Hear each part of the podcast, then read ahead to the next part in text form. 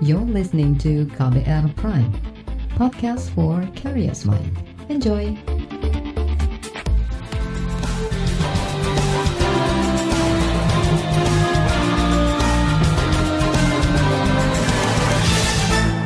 Halo saudara, senang sekali kami bisa menyapa Anda kembali dalam program KBR Sore, edisi Senin 7 Juni 2021. Saya Agus Lukman kembali menemani Anda selama kurang lebih 30 menit ke depan. Sore ini kita membahas mengenai perkembangan vaksinasi COVID-19 di Indonesia. Pemerintah menargetkan pada Juli mendatang vaksinasi akan mulai diberikan kepada masyarakat luas di luar kelompok prioritas. Namun ternyata untuk penerima vaksin dari kelompok prioritas seperti guru dan lansia masih menemui banyak kendala. Apa saja kendala terhadap program vaksinasi untuk kelompok prioritas itu? Lalu bagaimana juga pemerintah mempercepat vaksinasi tersebut? Saudara Kementerian Kesehatan menyatakan akan tetap mengupayakan target vaksinasi bagi kelompok prioritas tercapai hingga Juli mendatang.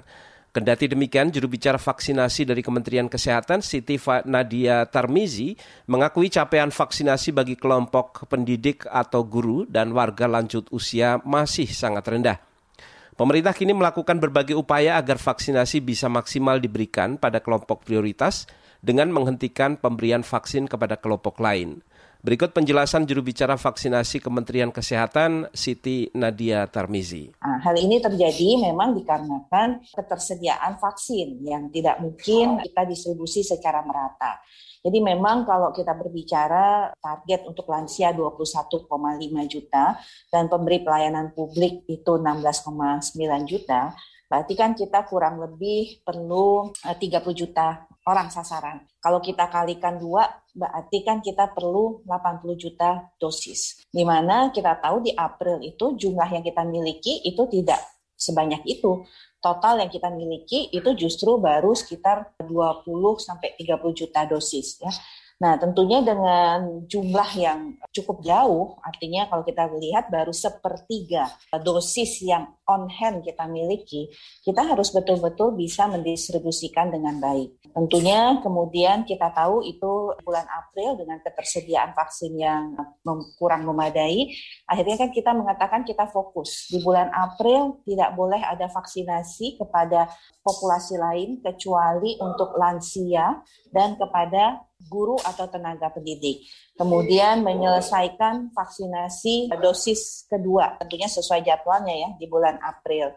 Jadi uh, ini tentunya uh, upaya yang dilakukan dari sisi pemerintah dan kita juga sudah pada waktu mengirimkan vaksin sudah menghitung target uh, beberapa yang uh, harus menjadi sasaran misalnya uh, lansia itu berapa banyak dan uh, berapa target yang harus dikerjakan oleh uh, kabupaten kota ya. Siti Nadia mengatakan rendahnya pemberian vaksinasi juga bukan karena hanya soal ketersediaan vaksin atau karena petugas medis yang minim, namun juga karena banyak lansia yang menolak atau kesulitan mengakses fasilitas vaksin ini. Peningkatan Eh, cakupan vaksinasi lansia ini tidak progres dengan cepat. Ya. Uh, kalau kita lihat kan kita semua tahu dari target 21,5 juta ternyata baru tiga setengah juta yang mendapatkan dosis uh, pertama vaksinasi untuk para lansia. Jadi sepertinya ada kontradiksi di sisi lain mengatakan bahwa oh mungkin saja uh, masih ada layanan yang saya lihat belum membuka ya layanan vaksinasi untuk lansia. Dikatakan bahwa ini perlu surat keterangan domisili, tapi ternyata kemudian setelah dapat surat keterangan domisili masih juga ditolak oleh puskesmas. Nah mungkin hal-hal ini sebenarnya menjadi juga masukan feedback yang baik karena kalau misalnya untuk provinsi DKI Jakarta itu eh, bahkan melalui RT RW sudah dilakukan penggerakan untuk mendorong eh, lansia itu untuk bisa segera mendapatkan vaksinasi. Di sisi lain kita juga mendengar uh, informasi dari uh, Fasiankes bahwa banyak sekali lansia yang sudah terdaftar tapi kemudian tidak datang. Ini kalau kita berbicara pada periode uh, antara April sampai dengan Mei ya, banyak sekali yang uh, tidak datang walaupun sudah terdaftar gitu. Jadi sehingga kadang-kadang sayang sekali kita juga malah mendengarkan uh, juga banyak dosis vaksin yang kemudian tidak bisa dimanfaatkan karena uh, sasarannya pada hari itu tidak datang walaupun sudah didata oleh Pak RT RW. Nah, jadi mungkin ini kita yang harus diskusikan dan saya sih menyarankan ya kita eksplor lebih dalam lagi ya terkait dengan bagaimana kita bekerja sama untuk memberikan akses yang lebih baik kepada lansia ya.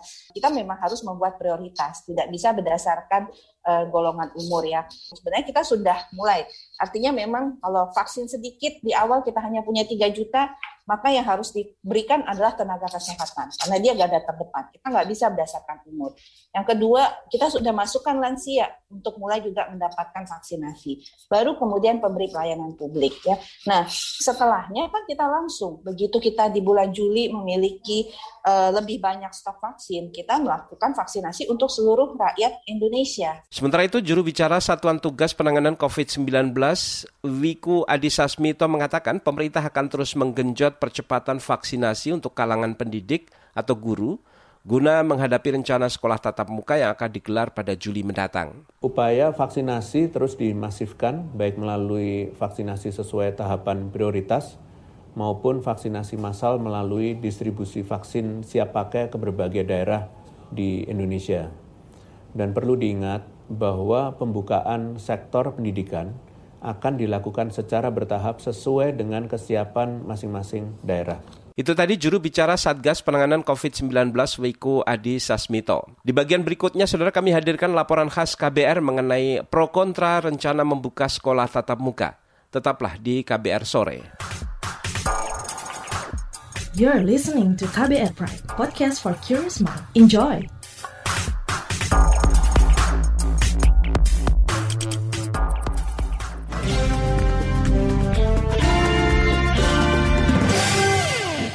Saudara pemerintah ngotot menggelar pembelajaran tatap muka mulai tahun ajaran baru atau pada Juli mendatang.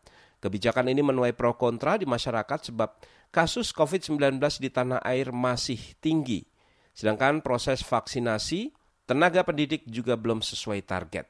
Lalu bagaimana solusinya? Berikut laporan khas KBR yang disusun Adonia Bernike Anaya. Menteri Pendidikan, Kebudayaan, Riset, dan Teknologi Nadiem Makarim bersikeras untuk menggelar pendidikan tatap muka PTM pada Juli 2021. Keinginan menggelar PTM itu disampaikan Mendikbud Ristek Nadiem Makarim berulang kali, termasuk saat rapat kerja dengan Komisi Pendidikan di DPR akhir Mei lalu. Karena itu, Nadiem berharap vaksinasi untuk tenaga pendidik dipercepat dan diperbanyak. Selain itu, Kemendikbud Ristek juga akan uji coba PTM di 80-an sekolah di DKI Jakarta mulai 9 Juni lusa. Alhamdulillah tim dari Kemenlu dan dan Kemenkes telah mendapatkan 70 total sekarang 75 juta dosis vaksin sudah diterima Jadinya insya Allah kita masih bisa mencapai target kita untuk menyelesaikan semuanya vaksinasi ini di harapannya di akhir bulan Juli atau yang paling telat mungkin di akhir bulan Agustus. Guna mempercepat vaksinasi, Nadim akan mengerahkan 13.000 vaksinator dari lingkungan perguruan tinggi ilmu kesehatan. Saat ini tenaga pendidik dan kependidikan yang divaksinasi baru mencapai satu setengah juta orang. Padahal target vaksinasi menyasar 5,6 juta orang. Vaksinasi tersebut dimulai sejak Februari hingga awal Juni ini. Program vaksinasi sempat terkendala ketersediaan stok vaksin akibat masalah impor dari negara produsen. Mendikbudristek Nadiem Makarim menegaskan bahwa sekolah yang guru dan tenaga pendidiknya sudah divaksin COVID-19 wajib membuka opsi pembelajaran tatap muka. Kata dia, rincian aturan tersebut tertuang dalam SKB 4 Menteri tentang panduan penyelenggaraan pembelajaran di masa pandemi COVID-19 yang diterbitkan Maret lalu. Sementara itu, Perhimpunan untuk Pendidikan dan Guru P2G meminta pemerintah menunda pembelajaran tatap muka serentak. Koordinator Nasional P2G Satriwan Salim beralasan belum semua tenaga pendidik telah divaksinasi. Vaksinasi menjadi salah satu bagian penting untuk menekan laju penularan virus corona dirampungkan dulu vaksinasi. Ini saya kan mengacu kepada janjinya Mas Menteri ketika pertama kali vaksinasi ya simbolis di Jakarta. Sekolah bisa dibuka kalau vaksinasi guru dan tenaga kependidikan sudah rampung. Nah, masalahnya adalah sampai bulan Mei akhir kemarin itu, vaksinasi untuk guru dan tenaga kependidikan kan baru sekitar satu juta ya untuk tahapan kedua vaksin gitu. Satriwan Salim menambahkan, vaksinasi yang belum rampung membuat para guru khawatir dan orang tua pun ragu mengizinkan putra-putrinya kembali ke sekolah. Ia menyebut, dari 550 ribu lebih sekolah di Indonesia, baru 55 persen sekolah yang merespon daftar periksa dari Kemendikbud Ristek. Daftar periksa itu berisi 11 poin yang terkait pemenuhan sarana dan prasarana protokol kesehatan pencegahan COVID-19. Satriwan mengusulkan PTM tidak dilakukan serentak tapi berdasarkan kesiapan sekolah itu sendiri. Sejumlah orang tua murid sepakat dengan P2G. Ayu Yuda, salah satu orang tua murid di SMA Tunas Daud, Denpasar, Bali, hingga kini belum mengizinkan anaknya sekolah tatap muka gurunya aman, tapi kan penularan tidak selalu dari guru, bisa dari teman-temannya, bisa dari benda-benda yang ada, bisa dari rumah mereka yang mereka bawa. Kalau gurunya ya mungkin mungkin setelah vaksin aman, katanya sih 80% kemungkinan aman gurunya. Anak kan uh, potensi penyebarannya bukan hanya dari guru, dari banyak sekali aspek, dari teman-temannya juga kan bisa. Belum setuju sih. Hal yang sama disampaikan Genta Kusuma, salah satu orang tua murid di sekolah menengah atas SMA Internasional di Bali. Ia juga mendorong pemerintah mempercepat distribusi vaksin ke daerah, khususnya bagi tenaga pendidik dan guru. Kalau persiapan sekolahnya sendiri ya sekali lagi, kalau memang istilahnya dalam satu kelas itu misalnya dibatasin cuma setengah nah, dari yang normalnya sih tidak jadi masalah ya rasa rasa ya. Dan betul-betul memang mereka ingin uh, prokesnya itu betul-betul ketat juga. Jangan sampai dibiarin ada anak-anak yang istilahnya nggak pakai masker kayak gitu jadi tetap harus proses itu ya harus betul-betul diperhatiin. Ahli epidemiologi dari Griffith University Australia, Diki Budiman menilai kekhawatiran yang disampaikan orang tua murid atau sejumlah pihak lain adalah wajar. Menurutnya, tanpa kesiapan optimal, pembukaan sekolah justru akan menjadi celah kerawanan penularan COVID-19. Sehingga bicara pembukaan sekolah atau pembukaan kembali sekolah itu konteksnya adalah bukan hanya sekolah buka seperti itu saja, tapi membuka sekolah dengan memaksimalkan manfaatnya dan meminimalkan risikonya. Iki Budiman menyarankan ada monitoring berkala jika sekolah sudah dibuka. Pemantauan perlu dilakukan karena kondisi pandemi sangat dinamis. Diki menyarankan ada percontohan atau pilot project terlebih dahulu sebelum sekolah dibuka serentak. Selain itu, pembukaan sekolah harus dilakukan secara berkala tanpa pemaksaan. Demikian laporan khas KBR, saya Sindu Darmawan. Salam. Lalu bagaimana daerah menggenjot capaian vaksinasi terutama kepada kelompok prioritas? Kami hadirkan informasinya sesaat lagi. You're listening to KBR Pride, podcast for curious mind. Enjoy!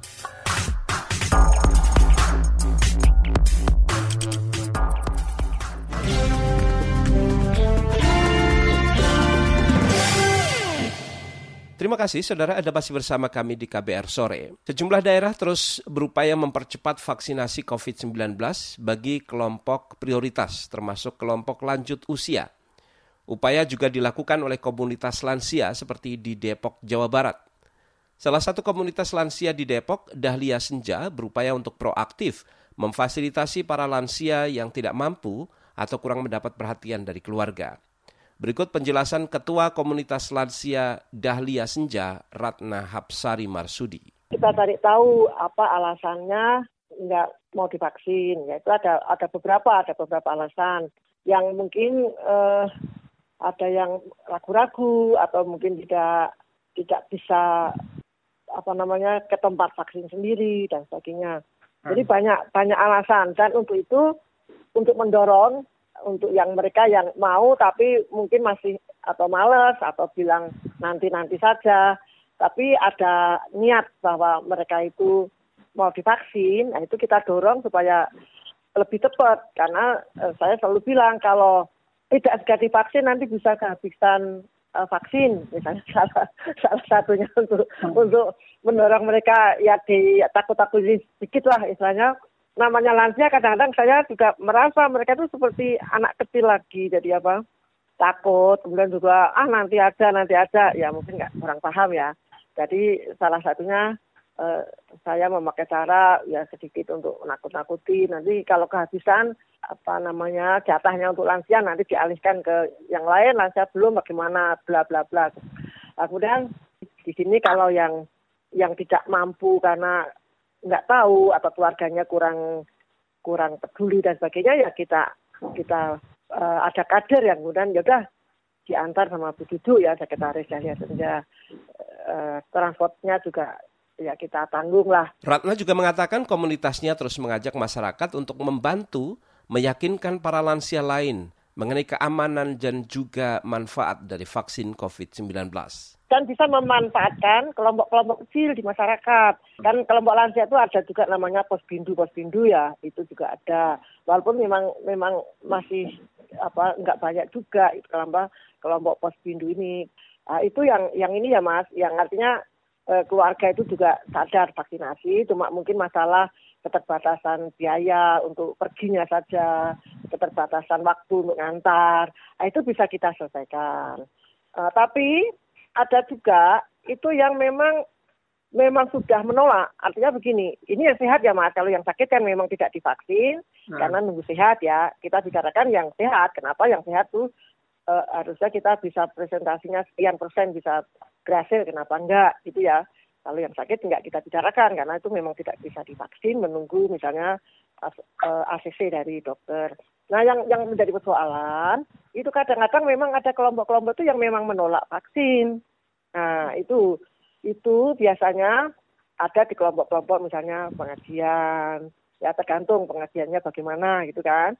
Ada yang memang sama sekali memang antipati terhadap pemerintah, katakanlah ya misalnya apa yang dikerjakan pemerintah itu masih jelek, itu ada juga, itu kelompok-kelompok itu ada di masyarakat itu ada, sehingga Nah, ini yang yang menjadi persoalan itu yang susah. Itu tadi Ketua Komunitas Warga Lanjut Usia Dahlia Senja, Ratna Hapsari Marsudi. Tidak hanya kelompok lansia, capaian vaksinasi juga masih minim untuk kelompok guru yang masuk kelompok prioritas.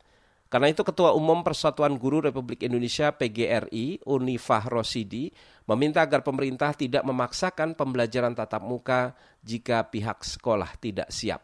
Yang paling pasti adalah bahwa 28 persen ini sama sekali tidak atau belum memenuhi unsur yang mencakup keamanan bagi penyelenggaraan pendidikan tatap muka itu baru satu aspek guru yang dianggap sangat penting. PGRI sendiri sangat mendorong uh, adanya vaksinasi para guru, tenaga kependidikan agar kita bisa segera melakukan pembelajaran tatap muka. Tapi faktanya sampai pembukaan sekolah di depan mata adalah uh, vaksin baru 28 persen. Ini tentu harus menjadi warning bagi kita semua jika PTM akan segera dilaksanakan.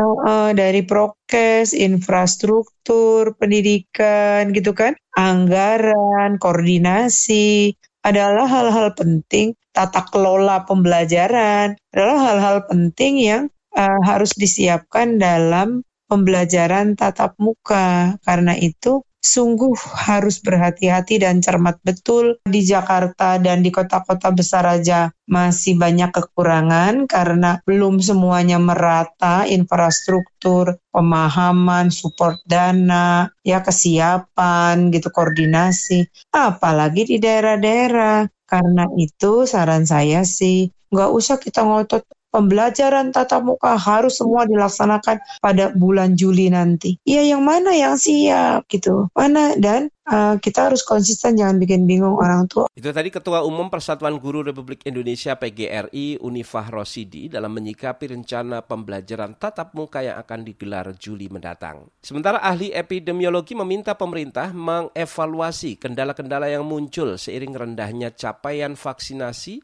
untuk kelompok lansia dan pendidik. Kami hadirkan informasinya sesaat lagi, tetaplah di KBR Sore.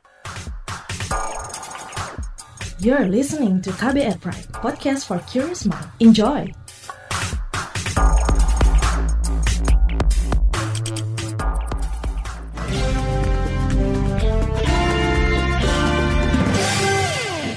Anda masih mendengarkan KBR Sore. Saudara, Ahli epidemiologi dari Universitas Griffith Australia, Diki Budiman, meminta pemerintah menggenjot pelaksanaan vaksinasi bagi kelompok lanjut usia dan juga kalangan guru. Ia mengatakan pemerintah lebih fokus mestinya untuk mempercepat vaksinasi bagi kelompok prioritas ini sebab berpengaruh pada angka kesakitan dan kematian di tanah air. Berikut perbincangan jurnalis KBR Astri Septiani dengan epidemiolog dari Universitas Griffith Australia, Diki Budiman. Terkait capaian vaksinasi lansia ini kan masih rendah begitu ya Pak, baru sampai 16 persen. Bagaimana evaluasinya Pak? Kira-kira apa yang masih jadi kendala dalam vaksinasi lansia?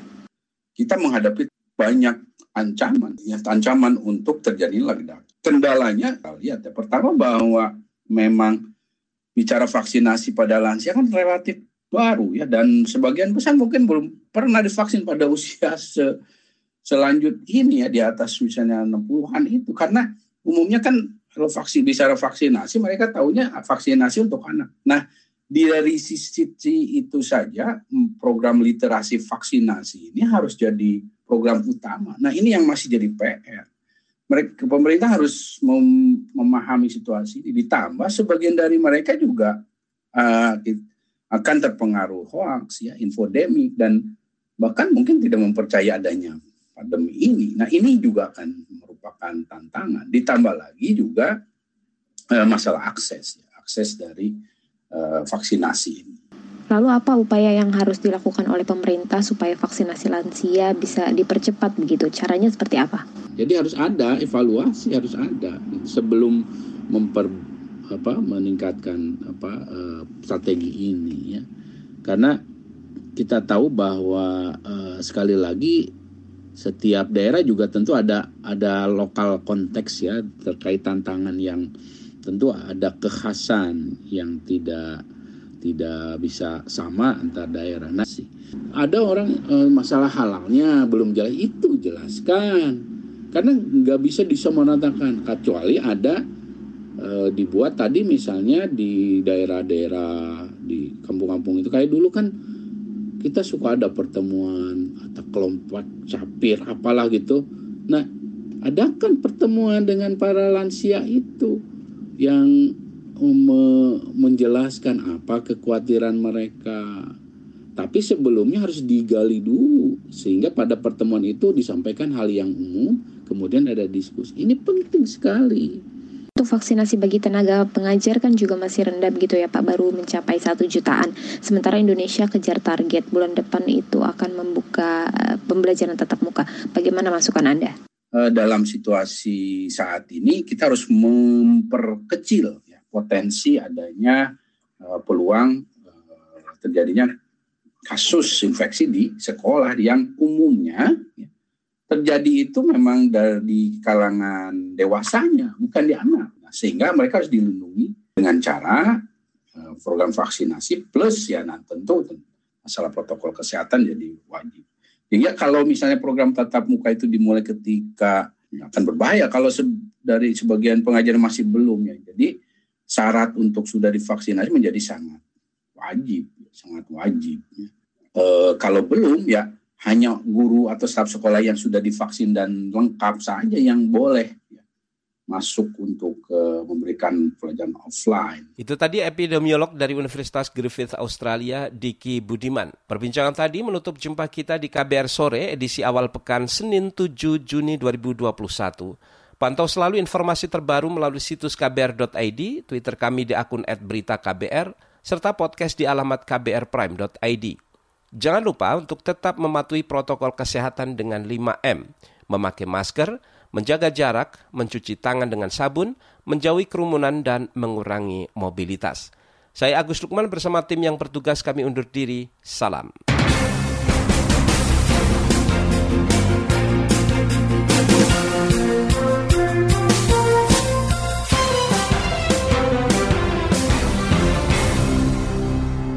KBR Prime, cara asik mendengar berita.